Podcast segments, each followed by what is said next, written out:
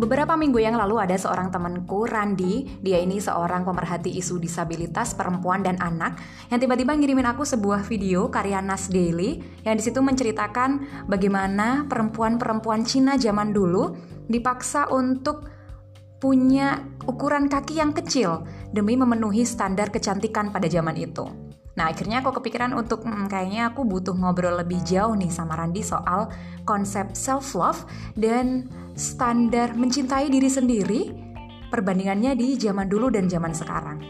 Nah, obrolan aku sama Randi bisa kamu dengerin di podcast Muda Resah episode kali ini karena keresahan perlu disuarakan.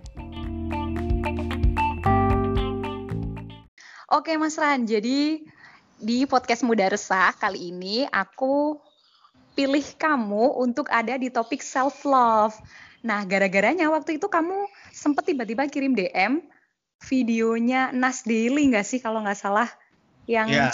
tradition yang uh, tradisi lama di sana ketika perempuan-perempuan di sana itu harus pakai ukuran sepatu yang kecil banget sebagai representasi apa ya kecantikan gitu kan.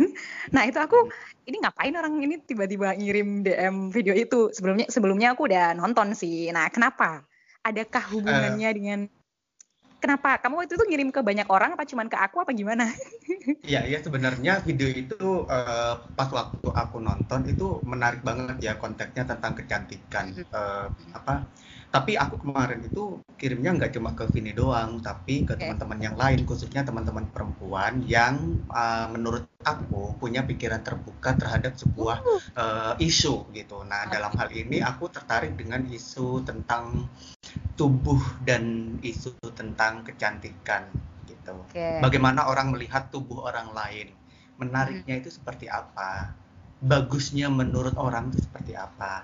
Nah, beberapa teman-teman yang aku kirim termasuk Vini, uh, menurut aku uh, apa? Aku merasa penting untuk mengirimkan ini gitu loh ke teman-teman yang punya pikiran terbuka tentang uh, isu yang jarang banget orang itu aware gitu ya. Nah, uh, selain Dan aku mungkin nggak berani juga gitu ya ngangkat ya, isu ini, takutnya di counter sama lingkungan. Me apa namanya belum berani untuk menyuarakan. Nah, menurut aku Vini kan uh, sosok yang cukup berani untuk menyuarakan isu yang mungkin sedikit sensitif gitu loh bagi kelompoknya sendiri gitu. Nah, itu kenapa aku kemudian kirim ke Vini juga gitu. Oke, dari kalau dari video itu uh, apa yang kamu tangkap? Standar um, kecantikan kalau dihubungin sama self love ya. Kalau dari yeah. kacamata kamu kita kan mungkin dari perspektif yang beda kamu dari perspektif cowok aku dari cewek gitu hmm. oke okay. uh, eh, sebelumnya kenapa aku tertarik nih sama isu tentang kecantikan tentang apa tubuh manusia gitu ya uh, beberapa tahun terakhir tuh aku mulai tertarik untuk berbicara tentang perempuan Vin nah karena hmm. beberapa tahun terakhir aku bergerak di isu disabilitas perempuan okay. uh, eh, disabilitas perempuan dan anak jadi aku menemukan banyak sekali ketersinggungan antara tiga mm -hmm. isu ini dengan isu kekerasan gitu. Okay. Belum lagi terkait dengan ketimpangan gender, terus uh, apa sangat minimnya pelibatan teman-teman perempuan dalam segala hal gitu ya. Hmm. Nah, kecantikan itu adalah salah satu dari sekian banyak problem yang dihadapi oleh teman-teman perempuan. Gitu. Oh, oke. Okay. Jadi di nah, di isu yang waktu itu kamu geluti ini ya ternyata menurut data yang kamu dapat itu mm masuk gitu standar kecantikan. Mm -hmm. uh, nggak secara langsung gitu. Mm-hmm. Uh, meskipun selama ini yang aku kerjakan itu dengan teman-teman uh, apa aktivis perempuan itu uh, kami menyuarakan bahwa perempuan itu juga punya posisi yang setara dengan laki-laki gitu. Kita tahu mm. pasti ya nice. Indonesia yeah. itu masih masih menganut uh, patriarki. Jadi segala hal uh, yang ada di kehidupan kita itu mostly itu paling banyak itu keputusannya itu bersumber dari laki-laki gitu. Hmm. Jarang banget perempuan itu diambil uh, untuk terlibat di dalamnya contoh kecilnya dalam hal pengambilan keputusan kali ya. Nah, pengambilan hmm. keputusan ini kan banyak mulai dari uh, yang levelnya luas sampai yang level uh, bagi diri sendiri gitu. Nah, okay. kemudian uh, kenapa aku tertarik dengan satu video dari Nas Daily ini? Sebenarnya aku nggak menyalahkan sih, karena itu kan berlaku di zamannya ya. Iya, kayaknya nggak nggak cuma di Cina aja sih tradisi hmm. standar kecantikan tuh dari dulu banyak gitu macam-macam. Kayak yang disebutin hmm. di akhir video kan macam-macam kalau hubungannya sama fisik gitu. Hmm, betul. Uh, sebenarnya kecantikan itu, oh melihat orang lain gitu ya dalam konteks ini perempuan hmm. gitu. Melihat perempuan lain uh, bagi sebagian masyarakat disepakati bahwa yang bagus tuh kayak gini gitu. Hmm. terus uh, yang cantik tuh kayak gini yang tampan tuh kayak gini. Nah kebetulan uh, dari videonya Nas Daily perempuan itu akan cantik kalau dia punya kaki yang kecil. Kecil ha di, di di video itu kan di ditayangin tuh untuk mendapatkan kaki yang sangat kecil mereka harus uh, menggunakan sepatu yang, yang bahkan tidak sesuai gitu dengan ukurannya. Uh -uh. Sama ukuran pakai, iPhone nggak sih kalau di situ? Iya. Iya, uh, uh, yang, yang itu yang yang mana itu dipakai oleh mereka itu bertahun-tahun gitu loh untuk mendapatkan uh, apa postur, golden lotus apa, golden kan, lotus istilahnya. Ya namanya golden lotus ya. Iya. Nah mungkin bagi bagi masyarakat Tiong Tiongkok waktu itu uh, itu adalah representasi kecantikan perempuan gitu. Iya. Nah. Dan itu kayak udah wajar dan udah otomatis harus mereka ikuti gitu kan? Iya, karena iya, diajarin dari orang tuanya juga Nah, itu dia karena diturunkan satu. Yang kedua, karena konstruksi sosial dan budaya yang ada di uh, masyarakat sana gitu. Bahkan hmm. bisa jadi hmm, karena agama gitu. Agama hmm. mereka mengatakan bahwa oh, iya. Iya, kepercayaannya itu mengatakan bahwa oke, okay, perempuan itu mungkin menjadi seutuhnya perempuan kalau mereka punya uh, tubuh seperti ini gitu. Hmm. Nah, ini mereka akhirnya ikut mau nggak mau kan gitu. Mm-hmm. Kalau kita kaji dari yang video itu kayak gitu ya, itu kan uh, kasusnya di Cina di era-era yang lalu. Kalau misalkan kamu lihat di hari ini, di hari ini, kita ambil konteksnya untuk perempuan dulu deh, baru nanti ke cowok gitu ya. Ada bedanya nggak sih soal standar kegantengan dan kecantikan yang nanti dihubungin sama self love bagaimana orang-orang di era ini menerima dirinya gitu. Kalau kamu lihat sekarang ada perubahan yang apa ya kita kan nggak hidup di zaman dulu kita mungkin lihat orang zaman dulu ya melalui video dokumenter kayak yang itu jadi kalau zaman dulu berjalan sampai di apa yang kita alami sekarang kalau kamu melihatnya ada stagnan atau berkembang atau cuman berubah aja atau gimana? um, menurut aku berubah ya. Um, ada ada banyak perubahan kalau menurut perspektifku. Karena banyak hal yang apa ya, uh, yang berubah gitu loh. Berubah ini itu, maksudnya lebih baik, itu lebih, lebih baik. buruk atau lebih tetap baik. oh oke. Okay. Lebih, lebih baik, baik karena karena begini. Uh -huh. uh, oke, okay, kalau kalau dalam perspektifku dulu teman-teman perempuan tidak mungkin bisa jadi uh, mereka tidak mampu untuk menyuarakan bahwa uh, untuk mendapatkan uh, apa namanya status cantik mereka harus rela kakinya itu menggunakan sepatu yang sangat kecil dan itu mereka lakukan setiap hari bertahun-tahun dan merasakan kesakitan gitu. Hmm. Nah, um, mungkin mereka menganggap bahwa itu sebuah keharusan ya karena satu tadi diturunkan oleh nenek moyang orang tua gitu ya sehingga mau nggak mau mereka harus patuh kalau enggak okay. walat nanti gitu yang kedua yeah. tekanan misalnya dari masyarakat sosial budaya gitu uh, by the way sosial budaya aku kan ngomong kayak gini gitu harus nanti aku sepatu. tidak uh, nanti aku nggak diterima di lingkungan iya, masyarakatku kalau aku tidak melakukan tidak hal yang sama gitu kan gitu. oke okay. nah, uh, aku menyorotinya dua hal ini gitu. Uh, mungkin dari sini bisa menemukan yang lain ya uh, perspektifnya. Nah, kalau sekarang gitu, sebenarnya sekarang itu uh, bisa dibilang sama tapi tantangannya itu menjadi berbeda gitu. Tapi Oke. dari proses yang sudah terjadi dari uh, sejak ke apa zaman itu sampai di tahun 2020 itu kemudian mengalami banyak perubahan gitu. Kalau salah satu yang aku concern itu adalah um, apa ber berkembangnya naiknya isu kesetaraan, isu Oke. keterbukaan isu tentang kemanusiaan. Nah, itu mulai muncul tuh di permukaan. Sehingga Hmm. teman-teman perempuan yang tadinya mereka nggak sadar gitu ya eh, di, di di zaman dulu bahwa mereka didiskriminasi sebenarnya. Nah, itu berproses sampai tahun ini 2020 teman-teman diberikan pemahaman bahwa oh, kamu mengalami ketertindasan ternyata. Nah, akhirnya Hmm. eh, lambat laut teman-teman perempuan satu, dua, tiga dan seterusnya kemudian berkumpul menjadi satu secara komunal gitu menyuarakan bahwa wah oke kita harus ubah ini cara berpikir ini. Hmm. Kalau Nah, aku melihat fenomena, oh ya ya, oke. Akhirnya akhirnya teman-teman perempuan Hmm. itu eh, mulai berani untuk menyuarakan bahwa standar kecantikan itu hello udah nggak sama dengan Hmm, iya iya iya lalu gitu. Heeh. Ayo mari kita ubah gitu. Atau Nah, kamu ini nggak eh, sih merhatiin di dunia internasional gitu ya? Kalau kamu merhatiin di dunia internasional gitu sekarang kayak misalkan model-model tingkat dunia atau brand-brand itu mereka udah nggak melulu pakai model yang putih, mancung dan ini, tapi udah semua mereka menerima semua standar kecantikan gitu loh.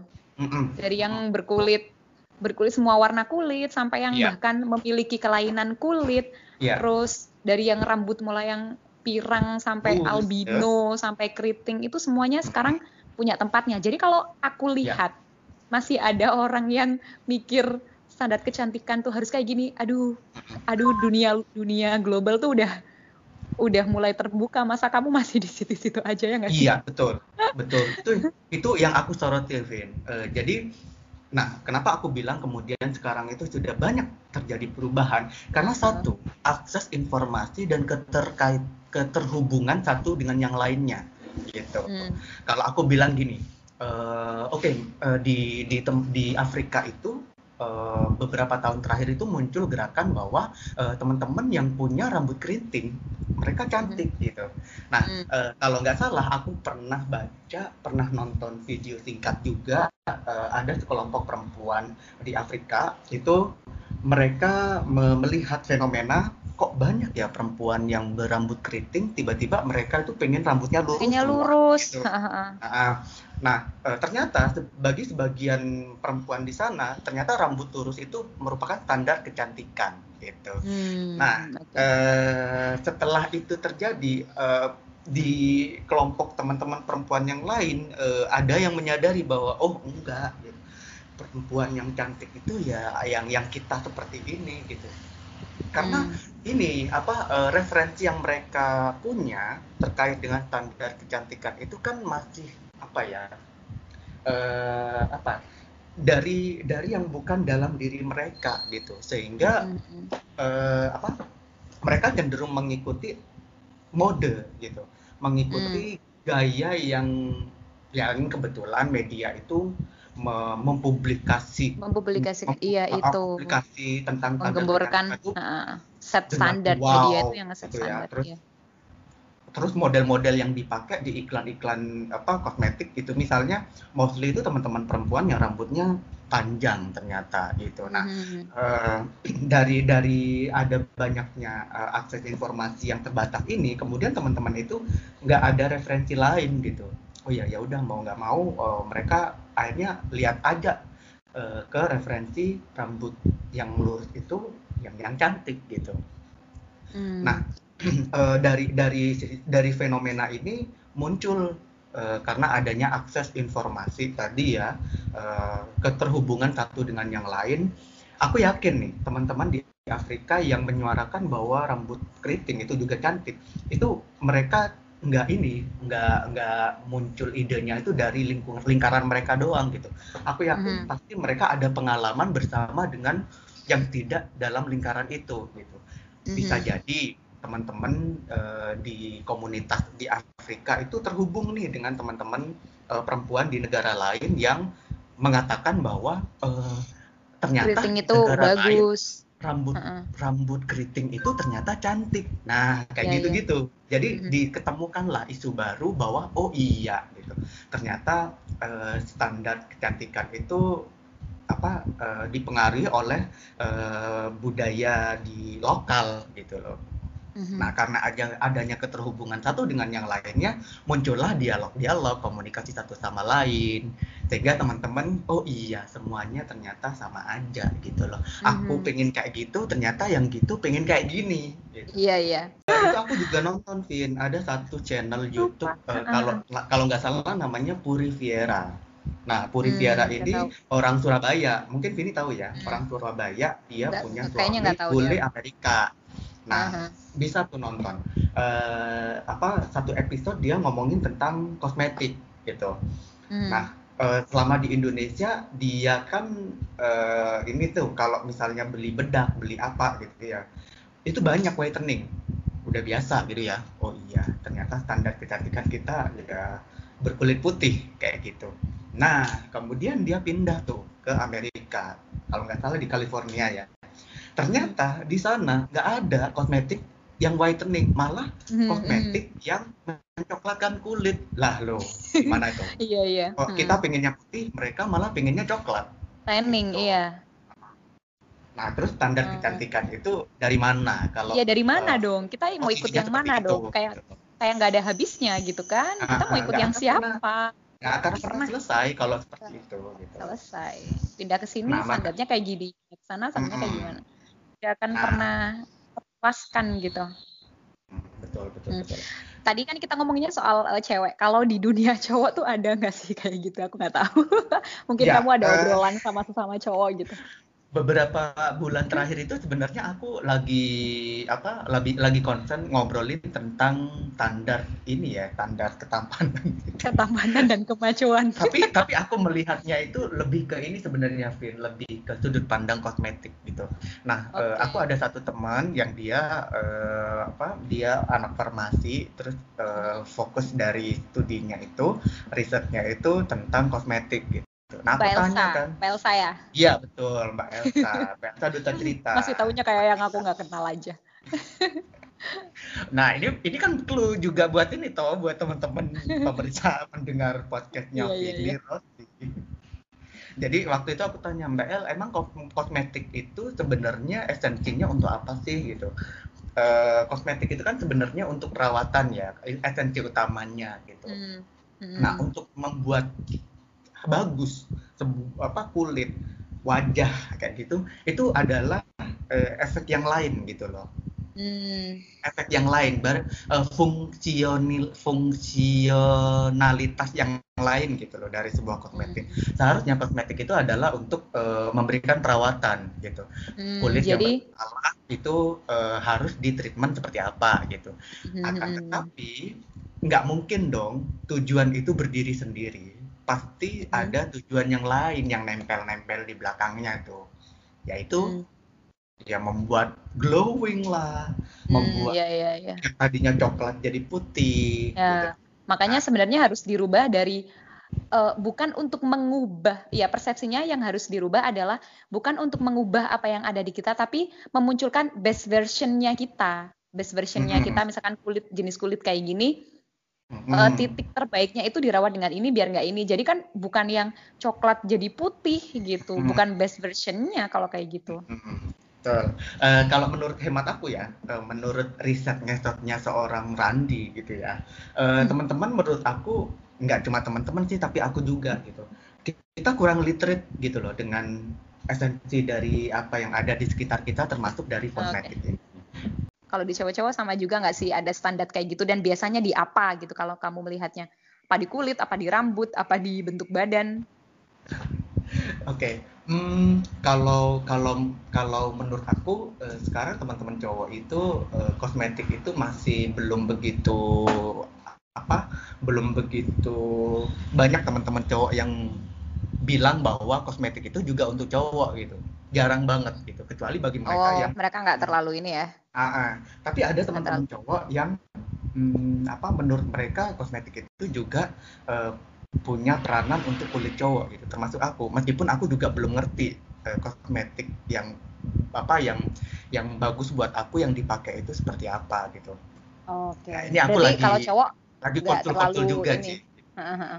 Cowok mungkin ya mungkin ada sebagian karena kebutuhan mungkin mereka di dunia inter entertain atau ini ya, ya. nggak ya. seribet cewek gitu kayaknya.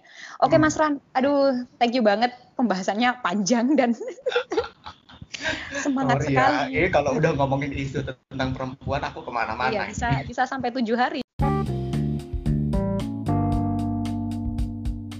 Kita ketemu lagi di episode selanjutnya. Mudah resah. Karena keresahan perlu disuarakan. Bye. Bye-bye. Oke, dadah.